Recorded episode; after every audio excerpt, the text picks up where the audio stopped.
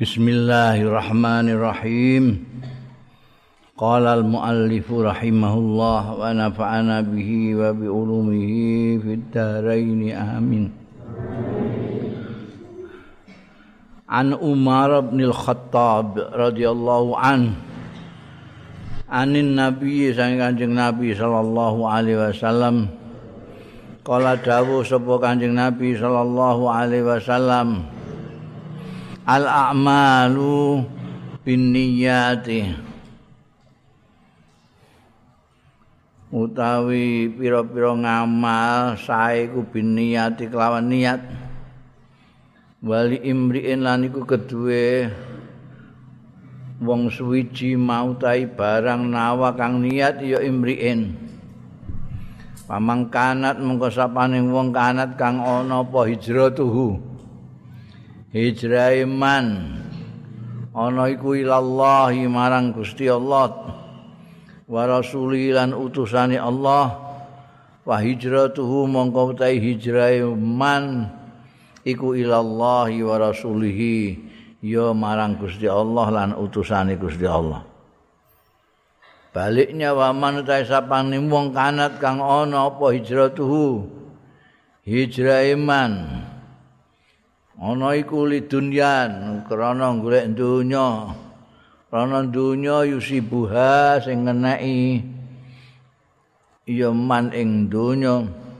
Au imraatin utawa wong wedok ya tazawwaju sing ngawini ya man sing arep ngawini ya man ha ing imraah. Fa hijratuhu mongko utawi hijrah man iku ila mahajaro ilai. Maring barang hajaro kang hijrah ya man ilai marang ma. Niki redaksi lain. Yang populer itu ono innamal a'malu binniyat wa innamal likulli imri'in manawa. Bidane nek nganggo innama itu terbatas karena inama itu ada adatul khasri. Jadi kalau amal tidak biniat enggak sah. Semua. Ngenek nganggo inama. Ya amalu biniat. Saya amal itu niat. Jadi kowe nek wudu gak niat ya gak sah. Bayang gak niat. Ya niat itu jane ning gone ati ngene jane. Wong terlalu serius mengilmiahkan niat itu sampai wong apa jenenge metenteng gak karu-karuan. Padahal niat ya kaya kowe niat arep ning gone pasar niat yang sembahyang niate sembahyang. Niat sembahyang dulu niat sembahyang dulu aja niat sembahyang dulu niate sembahyang asar. Gak sah juga. Jadi niat itu Berarti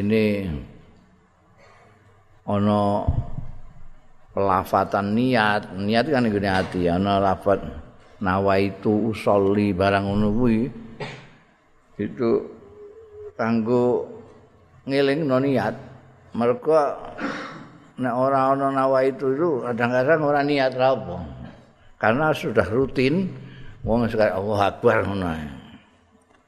Apa meneh nek makmum dan segala macam terus. Allahu Akbar. Uh, malah ambek belayu imamnya wis walad dolin belayu Allah Akbar. Orang nganggo niat tapi nek kowe muni nawa itu sholli eh kudu niat ta niat sholli fardhu dhuhri iki. Ngelingno supaya atine rentek. Hmm? nek gak soalé ora sah al a'mal binniat wali imri'in manawa. Jadi kue niatmu apa? Niatmu arep raup nggo seger-segeran ya untuk seger-segeran. Kue niatmu wudu ya untuk wong hijrah juga gitu. Orang yang mengikuti Kanjeng Rasul sallallahu alaihi wasallam ning Madinah itu pirang-pirang. Motifnya kebanyakan ya menyusul mengikuti jejaknya Kanjeng Nabi menyelamatkan agamanya supaya bisa ibadah dengan tenang. Timbangane ning gone Mekah diganggu terus dikacau terus. Embek-embek wong kufar Mekah jadi pindah hijrah ya hijrah. Nah, kalau motifnya hijrah ini memang ilallah wa rasulih tegese itu tadi untuk menyelamatkan agamanya untuk supaya iso apa ngibadah ning Gusti Allah dengan tenang mengikuti Kanjeng Rasul sallallahu alaihi wasallam. Ya dia itu hijrahnya ke situ tapi kalau motifnya lain ada yang motifnya tidak mengikuti Kanjeng Nabi tapi mengikuti perempuan mengikuti perempuan sing wedok wis hijrah ndekne saya kene. Nah, aku nek gak meroni Madinah ya gak kasil iki. Datang ke sana karena li ajil mar'ah Motifnya untuk nututi yang itu. Ono sing karena ning Mekah iku wis rekoso kabeh saingane bangsane Abu Jahal, bangsane wong walak-galak ngono iku. dihagang kalah terus ambut gawe ora tahu berhasil gara-gara wong-wonge Abu Jahal itu menang-menangan ameh gawe usaha sithik ngono ae di wis ning Madinah menawa iso ning kono usaha iso berhasil. Jadi perlune usaha itu berhasil. Itu kan soal dunia itu. Mulai bondo. Ora kok nututi kanjeng nabi ora kok kepengen nyelamat no agama. Wah biar mulanya ada orang bento yang nerjemah no transmigrasi mu hijrah. Transmigrasi dimaknani hijrah. Ya gak apa-apa. Hijrah dalam pengertian lidunyan yusibuha mana wong hijrah. Hijrah itu kan memang golek penghidupan. Kalau maknani transmigrasi ning Jawa kene usaha kangelan terus mara. Ning Sumatera apa ning Papua apa ning ning kono jarene kepenak nyambut gawe ning kono itu diundekno hijrah. Jadi orang-orang yang transmigran itu muhajir, bahaya muhajirin. muhajirin. Jadi muhajirin ila dunya iku mau dibuang. Nah, iki ana istilah hijrah meneh. Jadi bilang film terus jadi ustad itu hijrah. ya itu fenomena akhir zaman itu enak-enak. diguyu ora lucu. Ora diguyu-guyokno wong.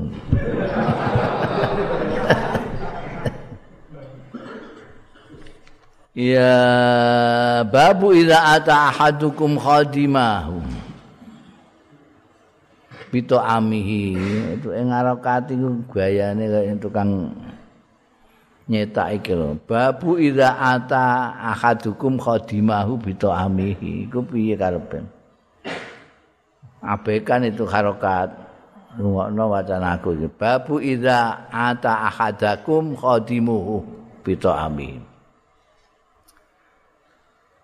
idza ata ahadakum khadimuhu bito amin yang bape tetkalane nekani ing salah siji ro kabeh sapa khadimuhu khadame ahadukum bito amihi lawan nggawa panganane akadukum. Jadi kowe duwe khadam ngliwetno kowe terus bareng wis mateng diadahi tembor diparakno ning kowe ata khadimuka ilaika. Mari.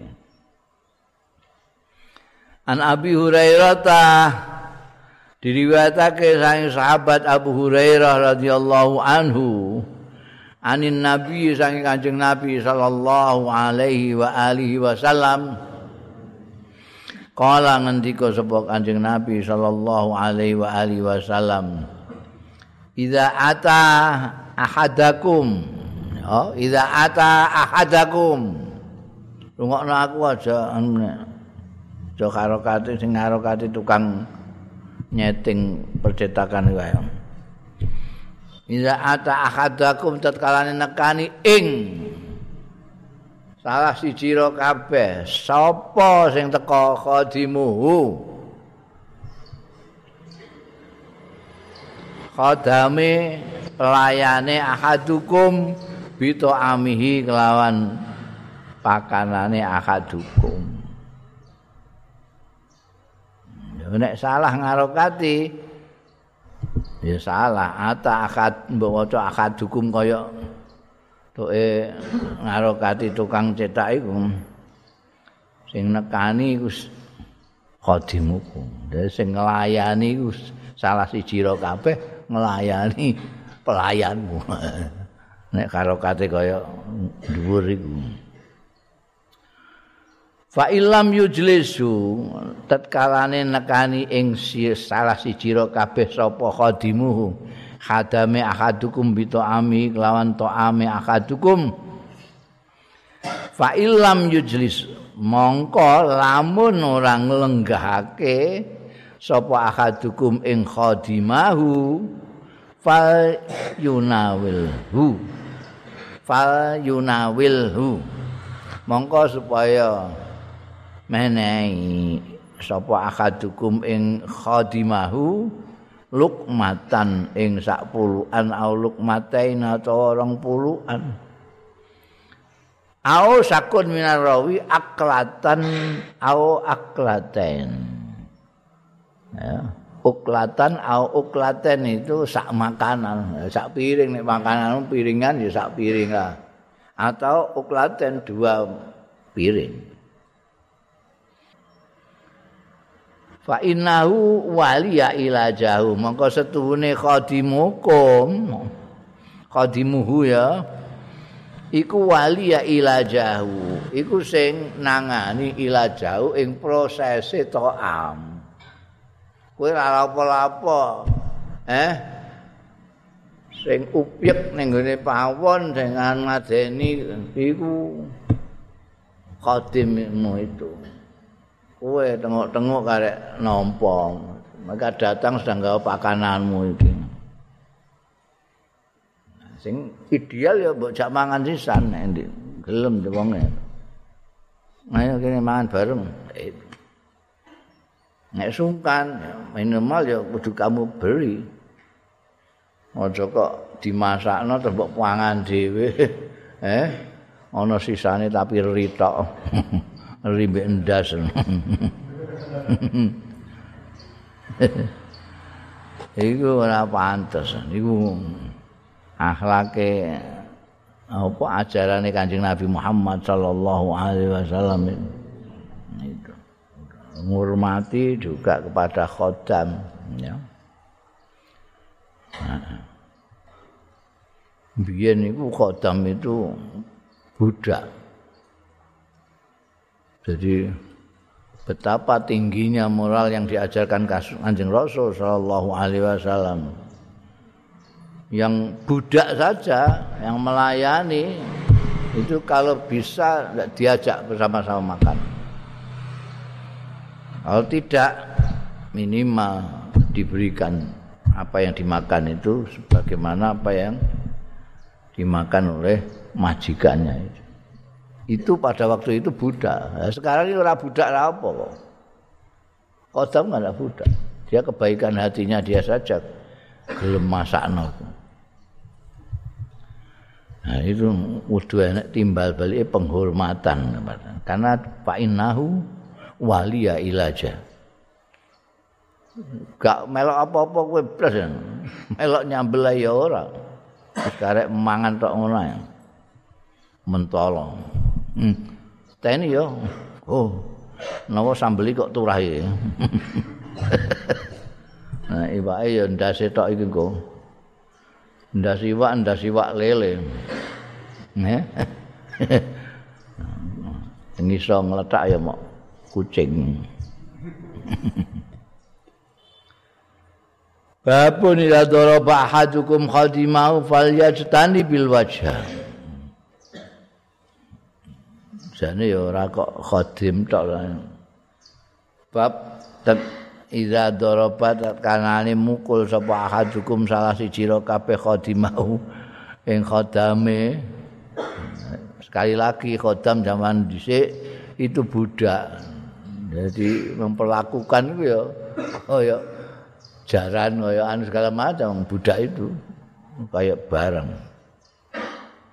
Iku wae di dilarang darabuhu fal yajtanib supaya ngedoi sapa akadukum al wajha ing rai. Aja ngantek mukul rai. Bokonge ya kena gegere ya kena mbok sablek rai aja Iki jane ya ora kok khodam tok sampe sapa-sapa ya ngono, gegeran orang aja ngantek ngantek mukanya. Kaya sing diriwayatake an Abi Hurairah aidon halimane anhu iki sahabat Abu Hurairah rujuke. Saking sahabat Abu Hurairah radhiyallahu anhu aidon anin nabi saking kanjeng nabi sallallahu alaihi wasallam kala dawuh sapa Kanjeng Nabi? Ida qatala akadukum tetkalane perang merangi tukaran gelut. Sapa akadukum salah siji ro kabeh falyajtanib mongko supaya ngedoi sapa akadukum alwaja ing rai. Jadi dalam perang juga duel apa segala macam ini hindari memukul wajah itu. Terus Nek kene dinggo apa judule raine kadam. Ngono tukaran mek kadam. Wah, dikongkon mau keliru terus mbok waplok ndak paljat stami bil wajah. Jadi gak oleh tukaran apa-apa itu muka. Kenapa? Karena muka ini sesuatu yang menjadi kehormatannya pribadi-pribadi orang-orang itu yang apa menjadi ciri, menjadi apa namanya tanda dia itu Faisal, dia itu kan mukanya. Ora kok lengene, ora dengkule. Mulane kartu tanda penduduk kartu penduduk SIM barang iku. Raine sing dipasang foto rai. Ora kok foto jitok. Dengkul barang ora rai. Rai yang untuk tanda pengenal itu rai. Iku nek mbok antem terus bonyok wong terus gak ngenalin neh. Jeneng sapa gitu. Iki dihormati wajah ini. Supaya tetap bisa dikenali nah wong iku wis malah gawe pertandingan tinju ya. sing di, sing kena dipukul mok raine tok. Iki iku waliane, waliane iku hukume piye enggak enggak tahu dibahas. Eh? Tinju iku waliane iki. Dawuh Kanjeng Nabi fal yajtanib al wajha. Hindari muka. Tinju itu harus muka. Harus muka. Nek gak muka gak dihitung. Kowe ngantem kok kene kene barang gak dihitung. Apa meneh ngantem angin. Kudu pas muka. Berlawanan dengan ini. Nah, ini nek dibahas masail kira-kira diharam no itu. Olahraga sih. Jawabannya mesti olahraga. Kitabul hibati wa fadliha wa tahrid 'alaiha. Bab hibah. Hibah itu pemberian. Pemberian. Wa fadliha lan keutamaane hibah.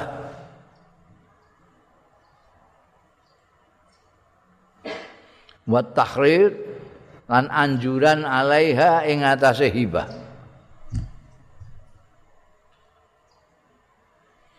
Wong Arab itu bolak-balik tak kandakno. Kaya dengan kosakata. Untuk memberi itu aja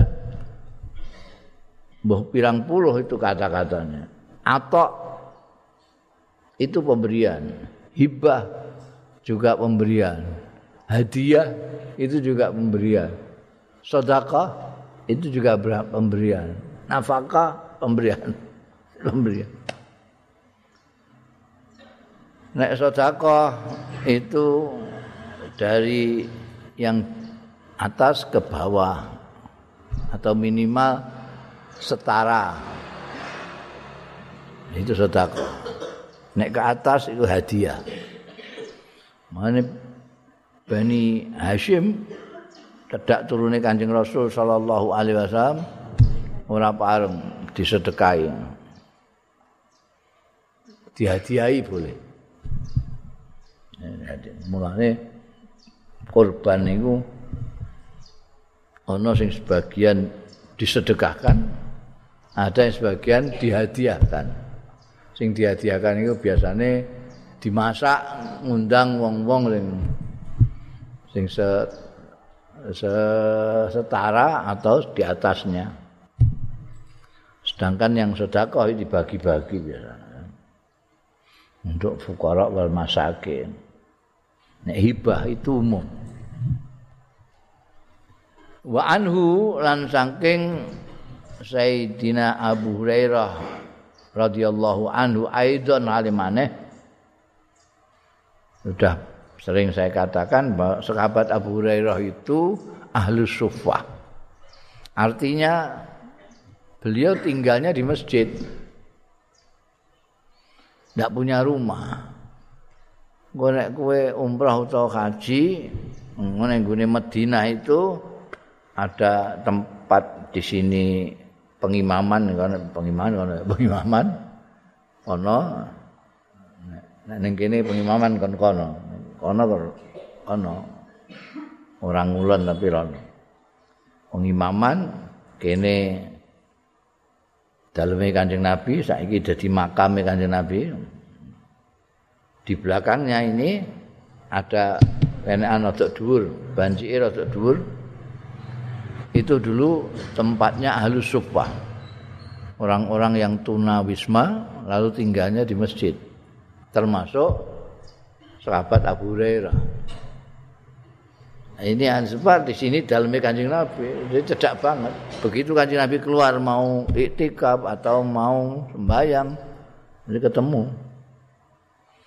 Jadi frekuensi pertemuan Abu Hurairah dengan kanjeng Rasul Shallallahu Alaihi Wasallam hampir tak tertandingi oleh lain-lainnya kecuali garwane kanjeng Nabi. Garwane itu saja kan ketika kanjeng Nabi ning dalam tok. Padahal kanjeng Nabi banyak keluar. Nah sahabat Abu Bakar itu jauh. Jauh dari Madinah itu jauh. Rumahnya sahabat Umar segala macam. Abu Hurairah tinggal jadi tonggo pet karo anjing Rasul karena di tinggalnya di masjid Karena itu beliau banyak menceritakan hadis-hadisnya kanjeng Rasul Sallallahu Alaihi Wasallam melebihi yang lain. Kayak iki. Anin Nabi sang kanjeng Nabi Sallallahu Alaihi Wasallam. Kala dawuh sapa kanjeng Nabi Sallallahu Alaihi Wasallam. Ya nisa al muslimat. Eh wadon-wadon muslimah wedok-wedok sing muslim latah kiran najaratan. Aja ngremehno tenan. Sira jaratan ing tangga latah kiran najaratun li jaratia tangga suci li jaratia marang tanggane jara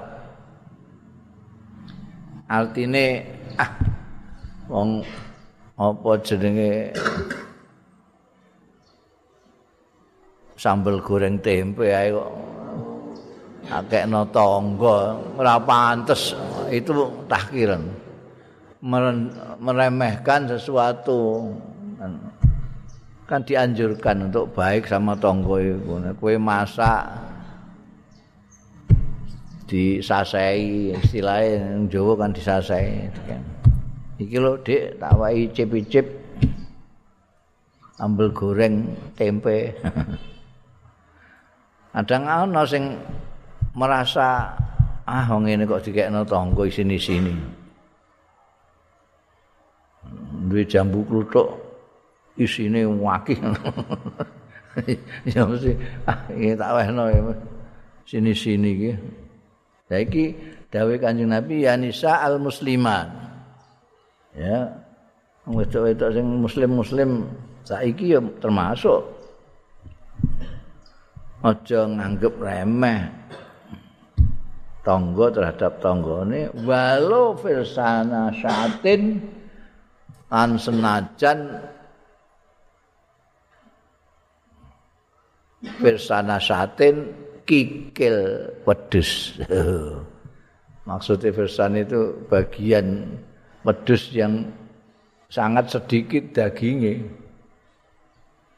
Itu kikil itu kikil Nek simpul kan akeh dagingnya. Ya. Ameh nguwaki tangga nek gak rempol gak gelem aja. Wes ah, senajan fesana satin itu apike tangga iki di wenehi cip-cip. Jadi kalau kita masak apalagi sedang masak yang enak segala macam itu jangan lupa tonggo ya. Kenapa? Karena tonggo ini orang yang paling dekat melebihi saudara-saudara terutama saudara-saudara yang di luar daerah kan lebih tahu tonggo ini tentang kadang kadang-kadang jadi pusat informasi tonggo itu pusat informasi Kowe gak tilik karo dulurmu. Ana apa? Ning rumah sakit kok ngerti? Aku malah ngeterno mau. Karena dia tonggo. Tapi juga pusat informasi negatif juga, eh? Ke wong arep besanan takok tonggo nih. Piye wong iku? Wah, wis bedigasan wong iku. Wis aja-aja sakake anakmu ngono repot. Pusat informasi negatif. Tonggo itu paling tahu. Ya mulane kon apik mbek tonggo upaya tidak memberikan informasi-informasi negatif ning gone wong. Kowe apik karo tonggo janjian wong takok wah tenonten keluarga niku pancen top pokoke aene mboten karuan. Anake wah anake nggih terdidik kabeh pun top monggo. Sampe nasi napa? Sing besanan nggih niku cepet mawon selak didisiki wong. Oh. Ngono. Mane apik mek tangga. Meskipun kita ndak tidak niat begitu ya. Kadang-kadang terus niate ngono. Niate ya nderekno anjurane Kanjeng Nabi, man kana yu'minu billahi wal yaumil akhir fal yukrim jarahu. Ya. Kadang-kadang mm awake dhewe iki ndonga apa segala macam nuruti Kanjeng Nabi tapi niate mau lagi dikandakno liku limriin manawa. Niat.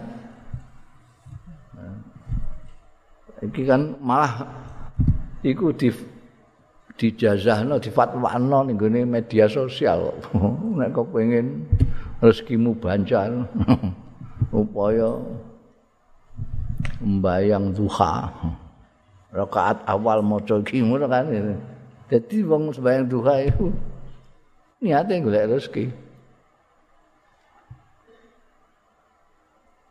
Maca la in syakartum la azidannakum. Syukuran ya niate ben ditambahi nikmat kan gitu Jadi maca selawat Kanjeng Nabi iku mbancarno rezeki. Selawat terus niate gitu maca istighfar ben ora nglarat niate terus ora melarat. Ora niat jaluk ngapura. Padahal istighfar itu jaluk ngapura. Ya melarat tuh melarat terus ini salah salah strategi. Mesti ini kudu manawa. Niatnya itu yang penting.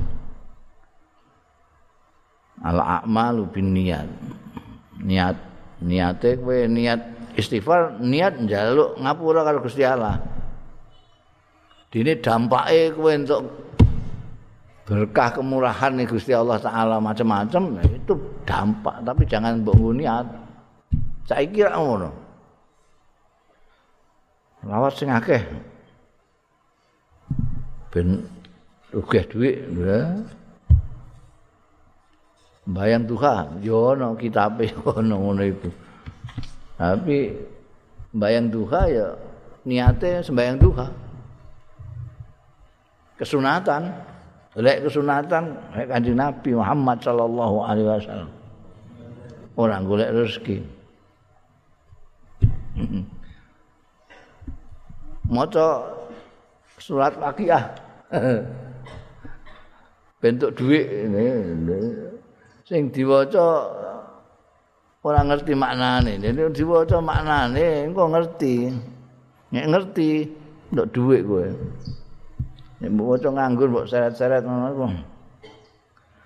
Terus dhuwit ceblok kon langit ngono.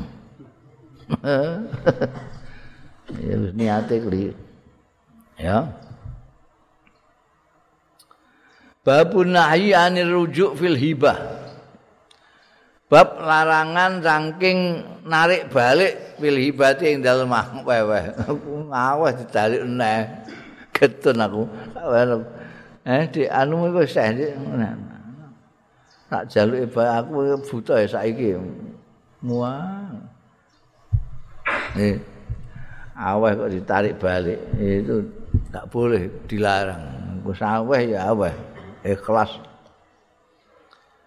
Diriwayatake saking anak Ibnu Abbasin saking sahabat Abdullah bin Abbas radhiyallahu anhu.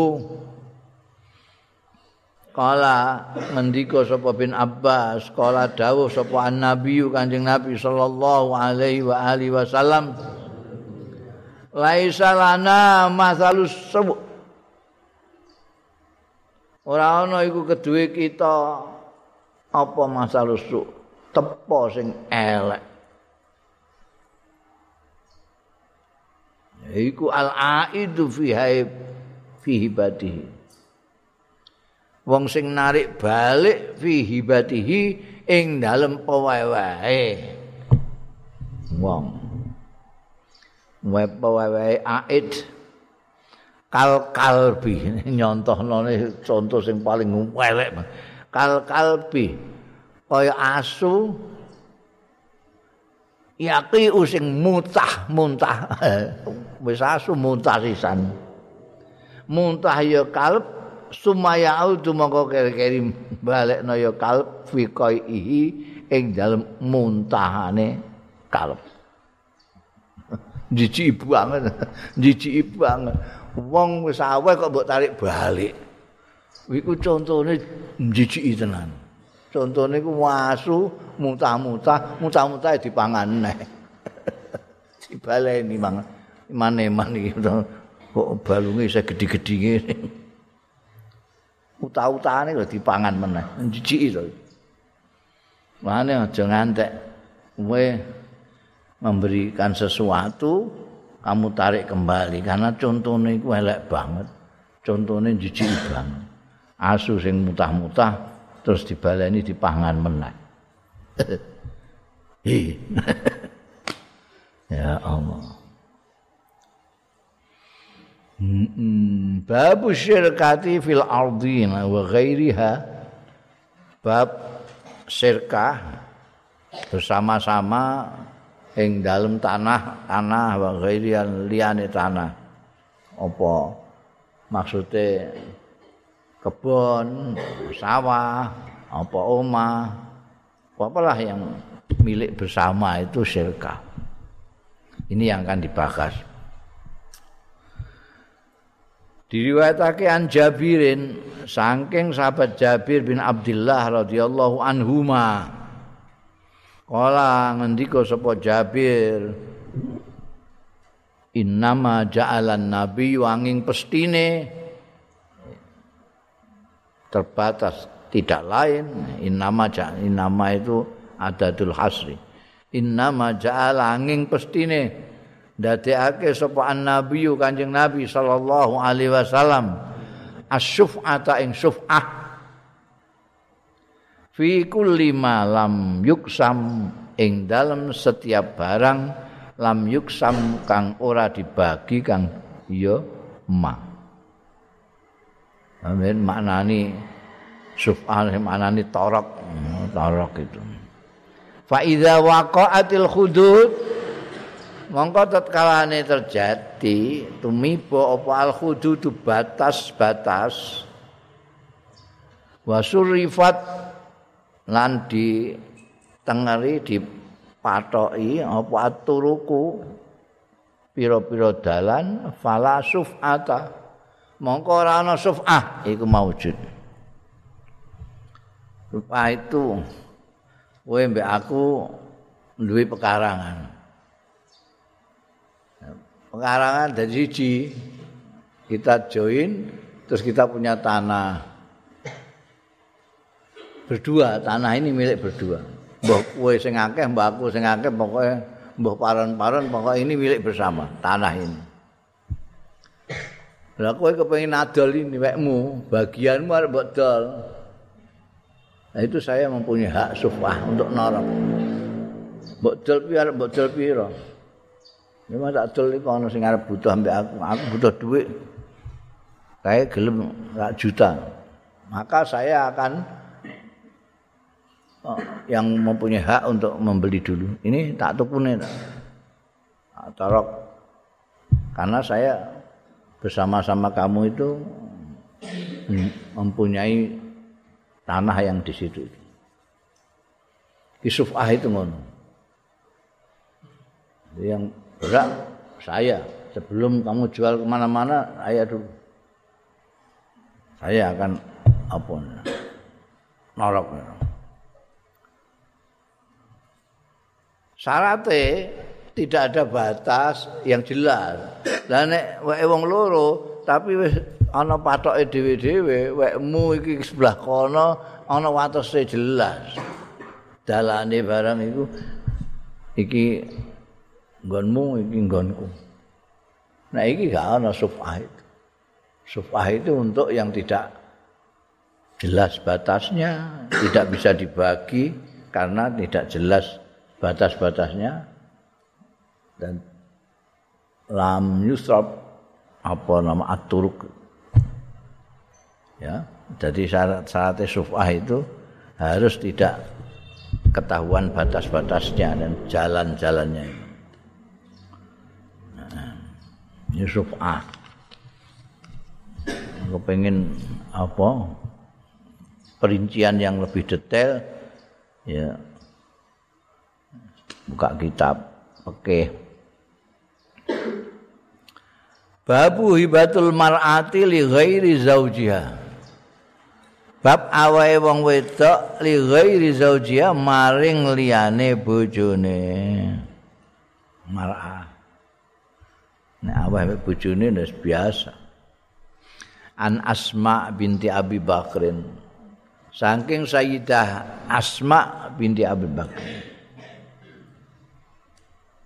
Asma itu putrane Sayyidina Abu Bakar, Mbak Yune Siti Aisyah. Garwane Az-Zubair.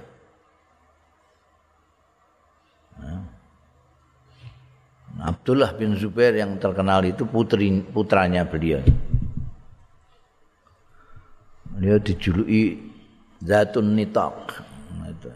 Nah, pernah udete dinggo naleni bekal ketika Kanjeng Rasul sallallahu alaihi wasallam dan ramane Sayyidina Abu Bakar mau berangkat hijrah.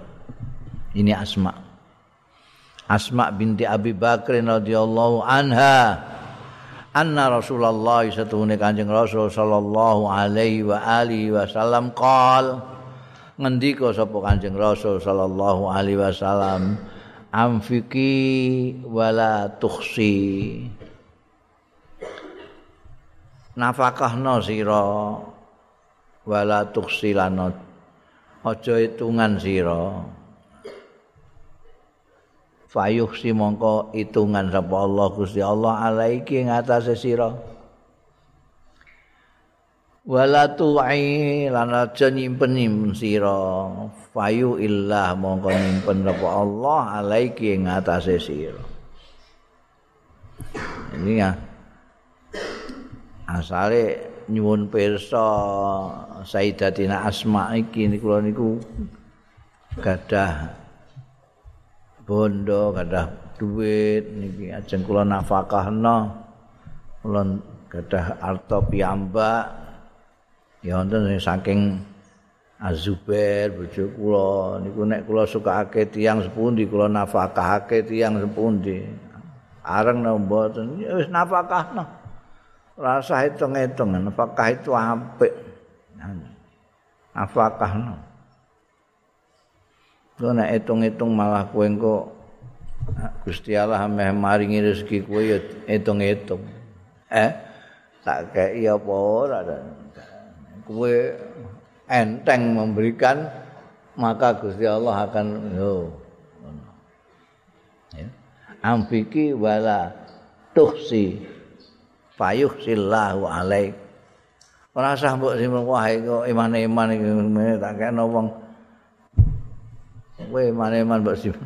Engko Gusti Allah iman-iman ora eh ora paring awakmu Allah iman-iman. Itu. Jadi nek kowe itu loman maka kosok wang sule itu Gusti Allah Ta'ala akan loma kepada nek kowe tak hitung-hitungan hitung-hitungan. Ya. Walhasil anjuran Roko Kanjeng Rasul sallallahu alaihi wasallam untuk memberikan kepada nafkah itu memberikan sesuatu infak itu memberikan sesuatu tanpa imbalan. Tanpa imbalan. Merasa hitung-hitung. Saake iki kakek semene ae ora usah. Kowe kepengin infak infak saja. Kingko ndang aku nek butuh ngono kondang piye ora usah mbok pikir-pikir nggo nyimpeni barang ora kena oh begitu kamu entengan seperti itu nyah-nyah nyah itu malah justru kan kamu akan mendapatkan apa namanya imbalan saka Gusti Allah taala yang berlimpah-limpah ya tapi sekali lagi kowe aja ngarep-ngarep iku mau ngarep-ngarep balasan yang limpah-limpah. Apakah kan aja lillahi ta'ala. Udah. Jangan hitung-hitung kok kira-kira untuk ganjaran piro, untuk balenan kok Gusti Allah piro rasa mbak itu. Ampiki wala tuksi.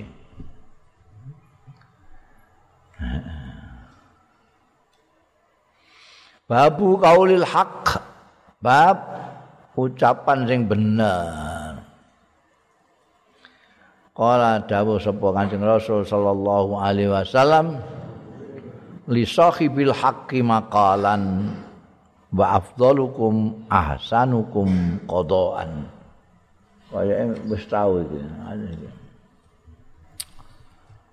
Ini ringkasan kaya sing detail kemarin kok ada ini.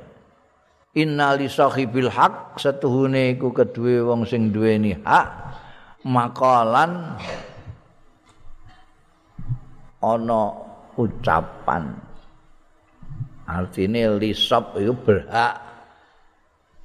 Seorang yang mempunyai hak itu berhak ngomong. Wa afdalukum utai luweh utama utama ira kabeh iku ahsanukum. Luwih bagus-bagus sira kabeh apane kodoan bayare. Nek ora salah winginane ana hadis hadisnya yang lebih rinci dari ini. Eh ana wong arep nagih Kanjeng Rasul sallallahu alaihi wasallam. Nagih Kanjeng Nabi tahu nilai apa jenenge Kanjeng Nabi itu kan begitu lomane nanti ada kalau ada orang butuh pada Kanjeng Nabi ndak pernah nolak, ndak bisa nolak. Jadi nek ana wong butuh iki beliau enggak punya. Iku sahabat-sahabat ana sing anu. Yang duwe aku nilai sik tak. Itu pinjam dulu untuk nulung wong. Nah ini suatu ketika ada yang nagih anjing Nabi. Tahu nyilih wedhus apa piye ngono. Wonge ngomel-ngomel macam-macam. Niki pun tekan pancine lho niki kula butuh kuantah sekian men niki. Nang apa mboten mikirake nih mboten nyaur utang wis. Terus janjine telung bulan niki pun telung bulan. Ngomong pirang-pirang ngene. Nah, sekabat-sekabat liyane iki cawangkeman wean penganjing Nabi. kudu ditempiling ae ya kanjeng nabi lho Mbak Noah, dia sahibul hak. Innali sahibil hak.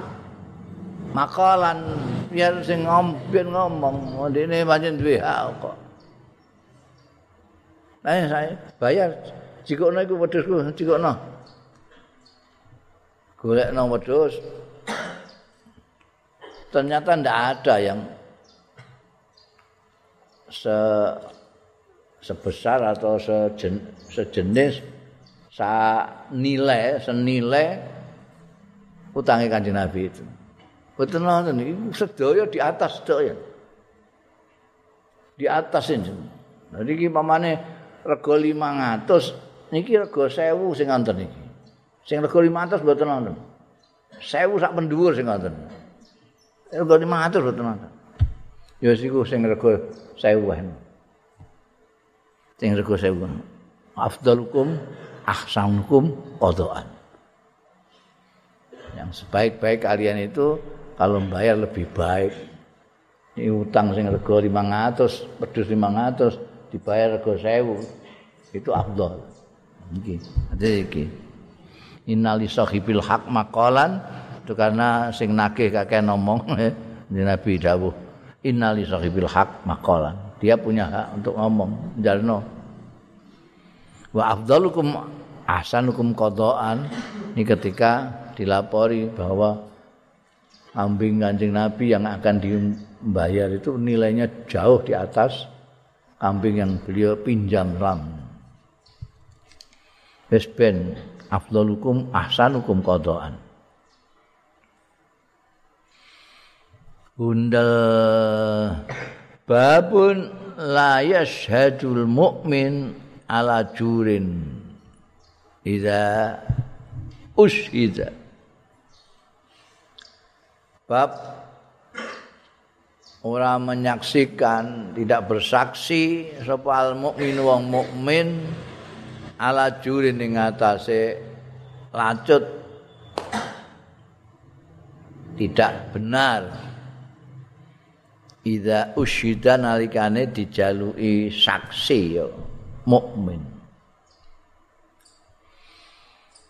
Diriwayatake anin Nu'man ibni Bashirin saking Nu'man bin Bashir radhiyallahu anhuma padha-padha sahabate Nu'man ya sahabat Bashir ya sahabat Kala ngendika sapa Nu'man bin Bashir Sa'alat umi. Nyuwun sapa umi mbokku.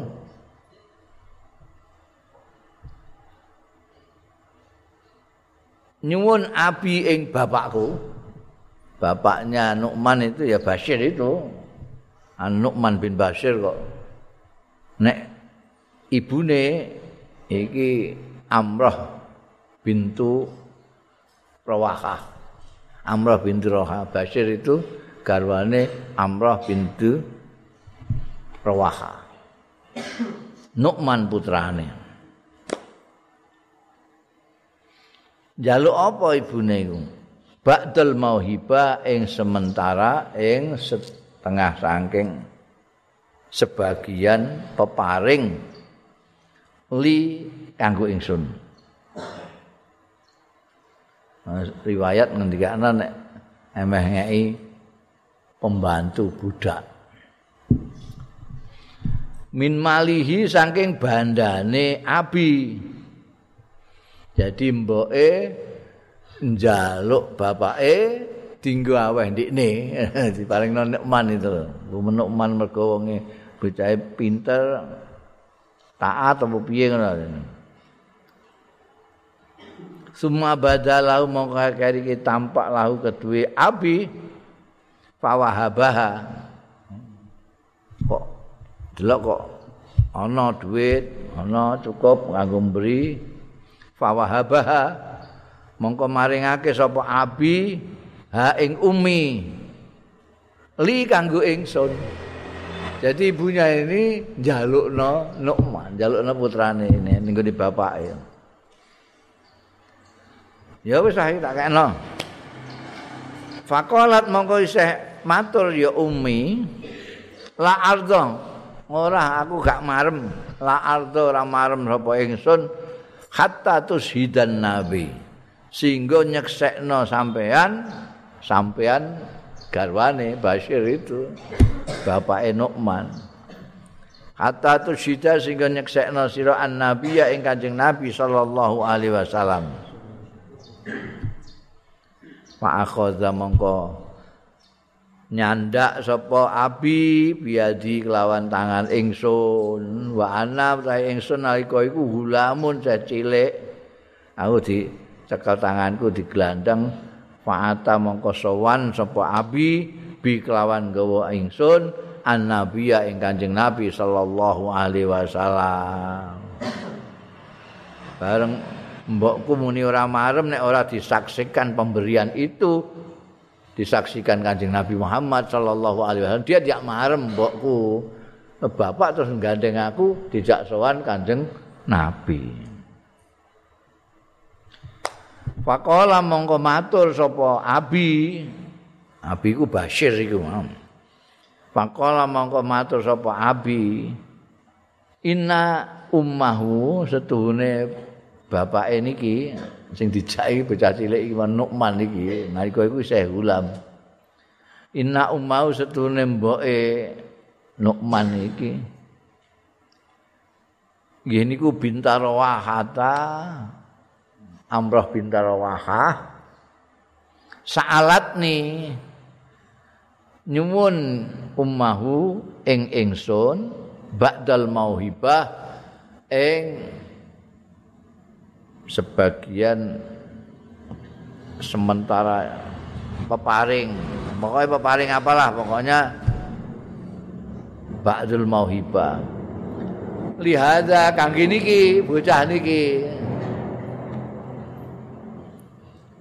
Bojo kula niku njaluk teng kula suatu pemberian untuk anak kula niki dan jaluk disekseni jenengan Kala dawuh sapa Kanjeng Rasul sallallahu alaihi wasallam Alaka walad siwahu. Kaya iki ya wis enak iki hadis iki ya. Alaka ana ta iku kedue sira waladun utawi anak siwahu sak liyane. Hadza sak liyane Nu'man iki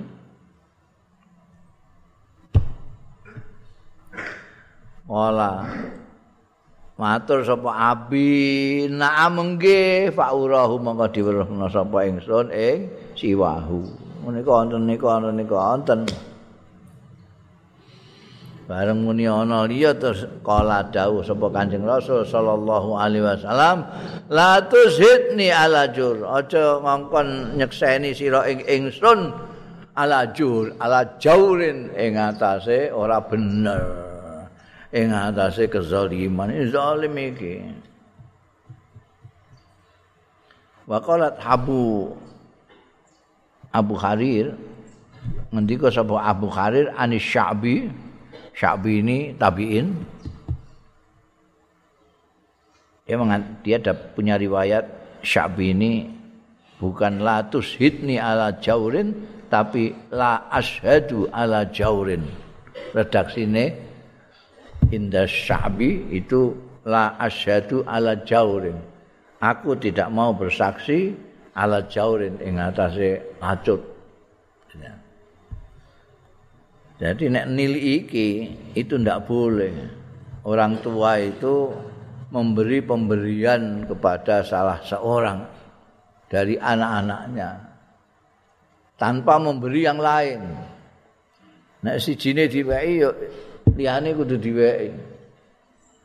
Jadi mengajarkan keadilan terhadap anak-anaknya. Sebab ini pengaruhnya sangat besar terhadap anak-anak, terutama anak yang tidak diberi. Mesti lara atine padha-padha anake kok iku ditukokno sepatu aku gak Engko bolak-balik ngono mulane ajaran Kanjeng Nabi tidak boleh. Disebut jauh. Aku mbok kon nyekseni perkara yang enggak bener begini enggak bisa saya. Nek mbok wae wae kabeh. Nek mok sitok-tok nek mantok